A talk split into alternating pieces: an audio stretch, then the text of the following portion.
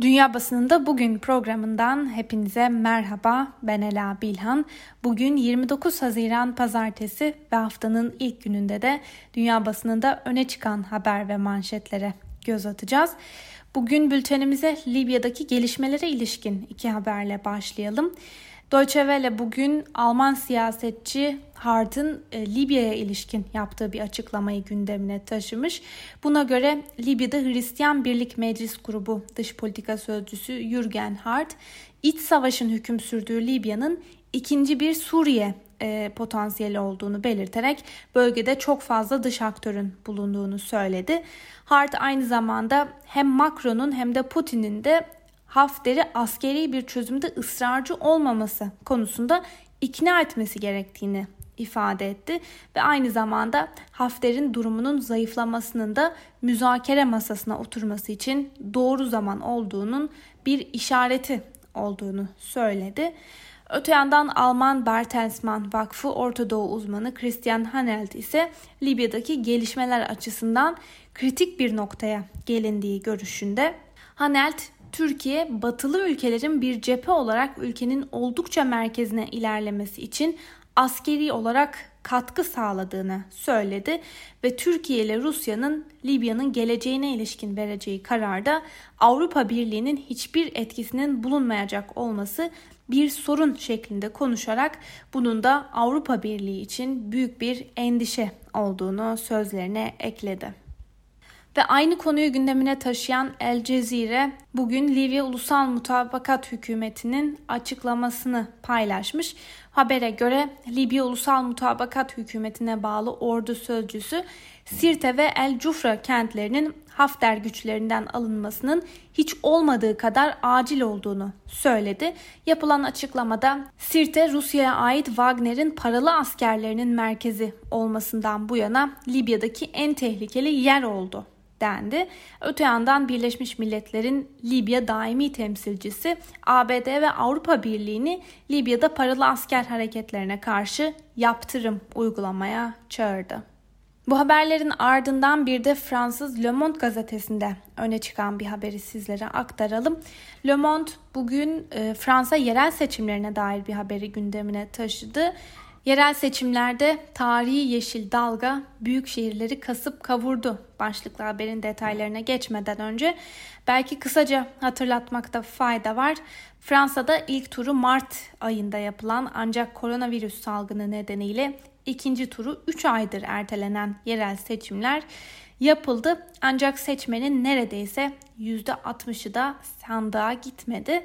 Seçimlerde yeşiller oylarını önemli oranda arttırarak Lille, Bordeaux, Strasbourg ve Lyon gibi büyük kentleri almayı başardılar. Yeşiller ile ortak liste belirleyen Paris Belediye Başkanı Anne Hidalgo ise %50.2 oyla yeniden seçildi ve seçmenin yalnızca %23.9'unun sandığa gittiği Paris'te zafer mevcut belediye başkanı sosyalist politikacı Anne Hidalgo'nun oldu ve bütün bunlara göre Fransa'da yerel seçimlerin ikinci turunun kaybedeni Cumhurbaşkanı Emmanuel Macron'un kurucusu olduğu iktidar partisi Cumhuriyet Yürüyüşü hareketi oldu.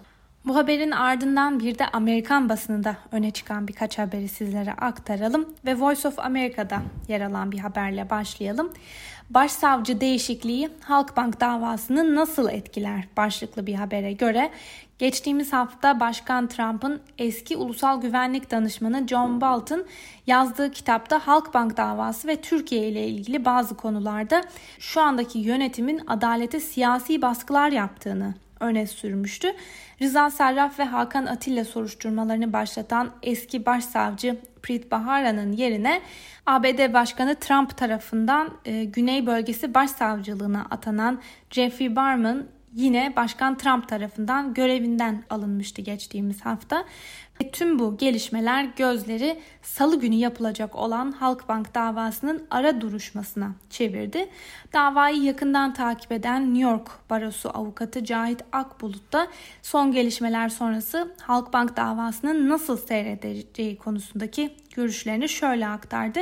Şu anda New York güney bölgesine bir atama yapılmadı. Sadece Berman'dan boşalan makama vekaleten bir süre kalacak bir savcı tayin edildi. Bu savcı da Demokrat Partili. Şu anda başsavcılığa vekaleten bakan yeni bir kişinin Halkbank davası konusunda neler yapacağını bilemiyoruz. Yarın yapılacak ara duruşma Halkbank'ın da fiilen katılacağı ilk duruşma olacak. Başkan Trump'ın Halkbank konusunda Adalet Bakanlığı ve diğer yargı kuruluşlarına yönelik siyasi baskılarının sürdüğünü görüyoruz. Bu siyasi baskıların daha da artacağını düşünüyorum. Yarın yapılacak duruşmada farklı şeyler yaşanacağını düşünmüyorum diye konuştu. Öte yandan New York Times gazetesi de bugün Trump'ın kampanyası emekliliğe ayrılmış olan Barack Obama'yı yeniden ayaklandırdı başlıklı bir haber paylaştı.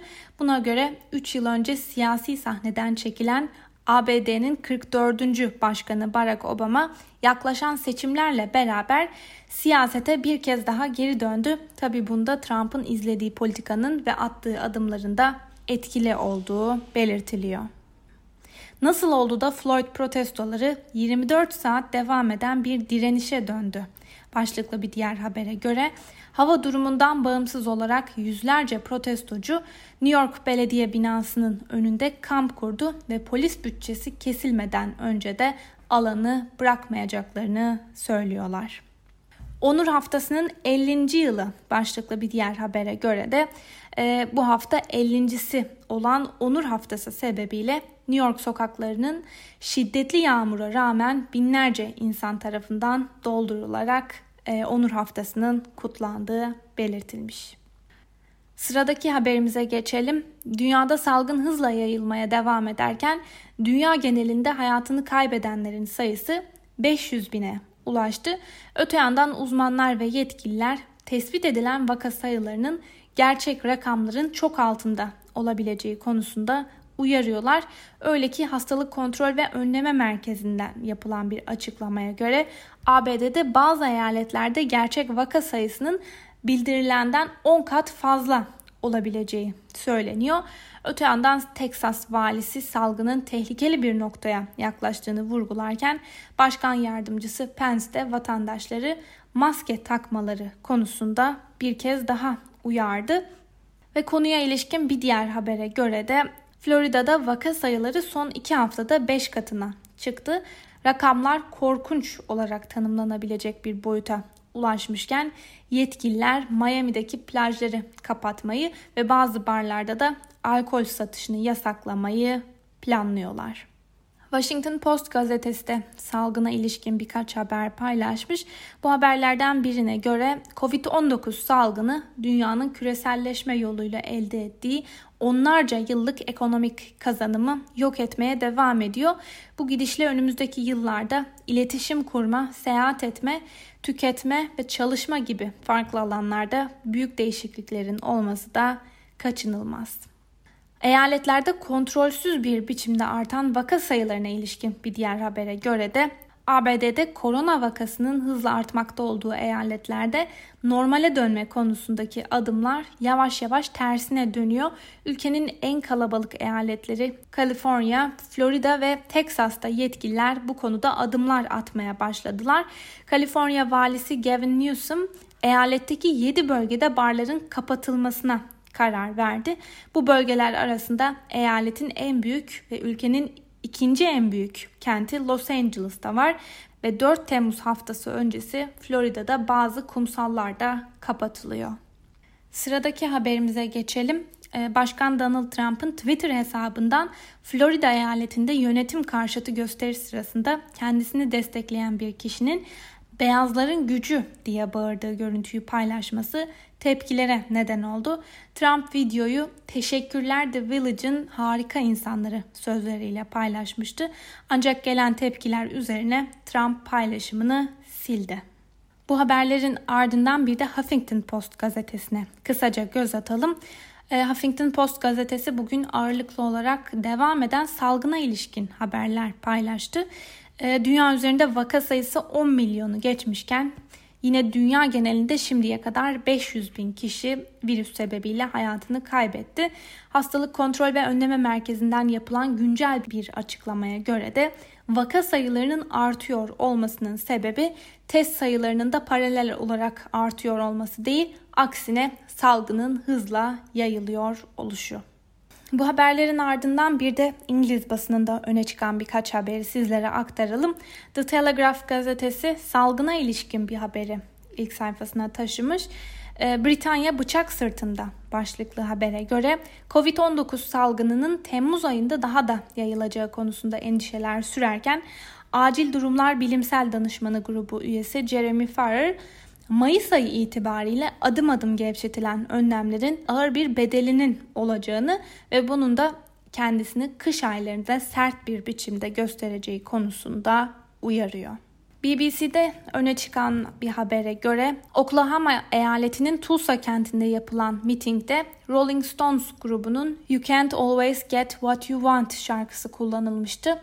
Dünyaca ünlü rock müzik grubu Rolling Stones, ABD Başkanı Donald Trump'ı mitinglerinde şarkılarını çalmama konusunda uyardı ve dava açma tehdidinde bulundu. Öte yandan bu ay içinde 2017 yılında hayatını kaybeden rock yıldızı Tom Petty'nin ailesi de Trump kampanyasına Tom Petty'nin müziklerini kullandıkları için bir uyarı yollamıştı ve Twitter mesajlarında Petty hiçbir zaman şarkılarının nefret kampanyası için kullanılmasını istemezdi açıklaması yazıldı. Bu haberin ardından sıradaki haberimize geçelim. BBC bugün e, Rusya, ABD ve NATO askerlerine suikast için Taliban'a ödül verildiği iddiasını yalanladı başlıklı bir haber paylaştı. Bu haberin detaylarına geçmeden önce ne olmuştu kısaca hatırlayalım. Afganistan'da birden fazla ABD askerinin Rusya'nın önerdiği ödül parası sonucunda Taliban milisleri tarafından öldürüldüğü iddia edilmişti. The Washington Post gazetesi ABD istihbaratının bu sonuca kaynak olarak ordu tarafından yapılan sorgulardan elde edilen sonuçları gösterdiğini bildirdi. Öte yandan New York Times gazetesi de cumartesi günü ABD istihbaratının Rusya'nın Afganistan'da ABD'lileri öldürmesi için militanlara ödül parası teklif ettiğini, tespit ettiğini aktarmıştı. Habere göre ABD'deki Rus Büyükelçiliği temelsiz olduğunu savunduğu iddiaların diplomatlarına yönelik tehdit oluşturduğunu açıkladı. Taliban yönetimi de Rus istihbaratı ile anlaşma yapıldığı yönündeki iddiayı reddetti. New York Times'a isimsiz olarak konuşan kaynaklar ABD istihbaratının aylar önce GRU isimli bir Rus askeri istihbarat biriminin bölgede istikrarsızlık yaratmak için koalisyon güçlerine yapılacak saldırılar karşılığında Taliban güçlerine ödül teklif ettiği sonucuna vardığını iddia ediyor. Gazeteye göre militanlar bir miktar parayı da elde etti ve yine gazeteye göre Beyaz Saray Ulusal Güvenlik Konseyi Rusya'yı yaptırımları da içeren bir yanıt verme konusunu görüşüyor. Aynı konuyu gündemine taşıyan e, Sputnik Haber Ajansı'nda yer alan haberi de sizlere aktaralım. New York Times gazetesinin Rusya'nın Taliban bağlantılı militanlara Afganistan'daki ABD askerleri ve koalisyon güçlerini öldürmeleri için gizlice para teklif ettiğine dair istihbarat bulunduğu iddiasına Moskova'dan yalanlama gelirken Beyaz Saray'ın ardından Başkan Donald Trump da tepki gösterdi. Twitter'da kimse Rusya'da Trump yönetiminden daha sert olmadı. Yolsuz Joe Biden ile Barack Obama döneminde Rusya bayram ediyor, Ukrayna'nın önemli kısmını ele geçiriyordu ifadelerini kullanan Başkan Trump, Biden'ın Ukrayna'da yolsuzluğa karıştığı öne sürülen oğluna atıfla Hunter nerede diye sordu ve öte yandan Beyaz Saray sözcüsü McEnany de New York Times'ın iddia ettiğinin aksine Rusya'nın ABD askerlerine saldırmaları karşılığında Taliban militanlarına ödül teklifinde bulunduğuna dair Başkan Trump'a rapor verilmediğini de söyledi. Sıradaki haberimize geçelim. Rusya'da anayasal değişiklikler için halk oylaması devam ederken anayasa reformlarının resmi internet sitesine ülke dışından saldırılar gerçekleştirildi. Rusya Merkez Seçim Komisyonu saldırılar yapıldığı gözlenmektedir. Saldırıların Britanya ve Singapur'dan yapıldığı da değerlendiriliyor açıklamasını yaptı. Bu haberlerin ardından son olarak da Çin basınından Global Times'ta öne çıkan iki haberi sizlere aktaralım. Hindistan'ın bir illüzyonu düşünme arzusu başlıklı habere göre kıdemli Hindistan askeri subayları ABD'nin Hindistan'a destek verdiğini açıklamasıyla Çin-Hindistan sınır bölgesinde uzun süre direnebileceklerini umut ederken Çin ordusu Güney Çin denizindeki yoğun ve eş zamanlı askeri tatbikatlarla beraber tüm cephelerde yüksek askeri hazırlık yapıyorlar. Çinli analistler Hindistan'ın Tayvan adasının yakınında ve Çin-Hindistan sınırının yakınında ABD'nin desteğinden faydalanma konusundaki istekli düşüncesinin sadece bir yanılsama olduğunu savunuyorlar. Bu haberin ardından son olarak da salgına ilişkin bir haberi sizlere aktaralım.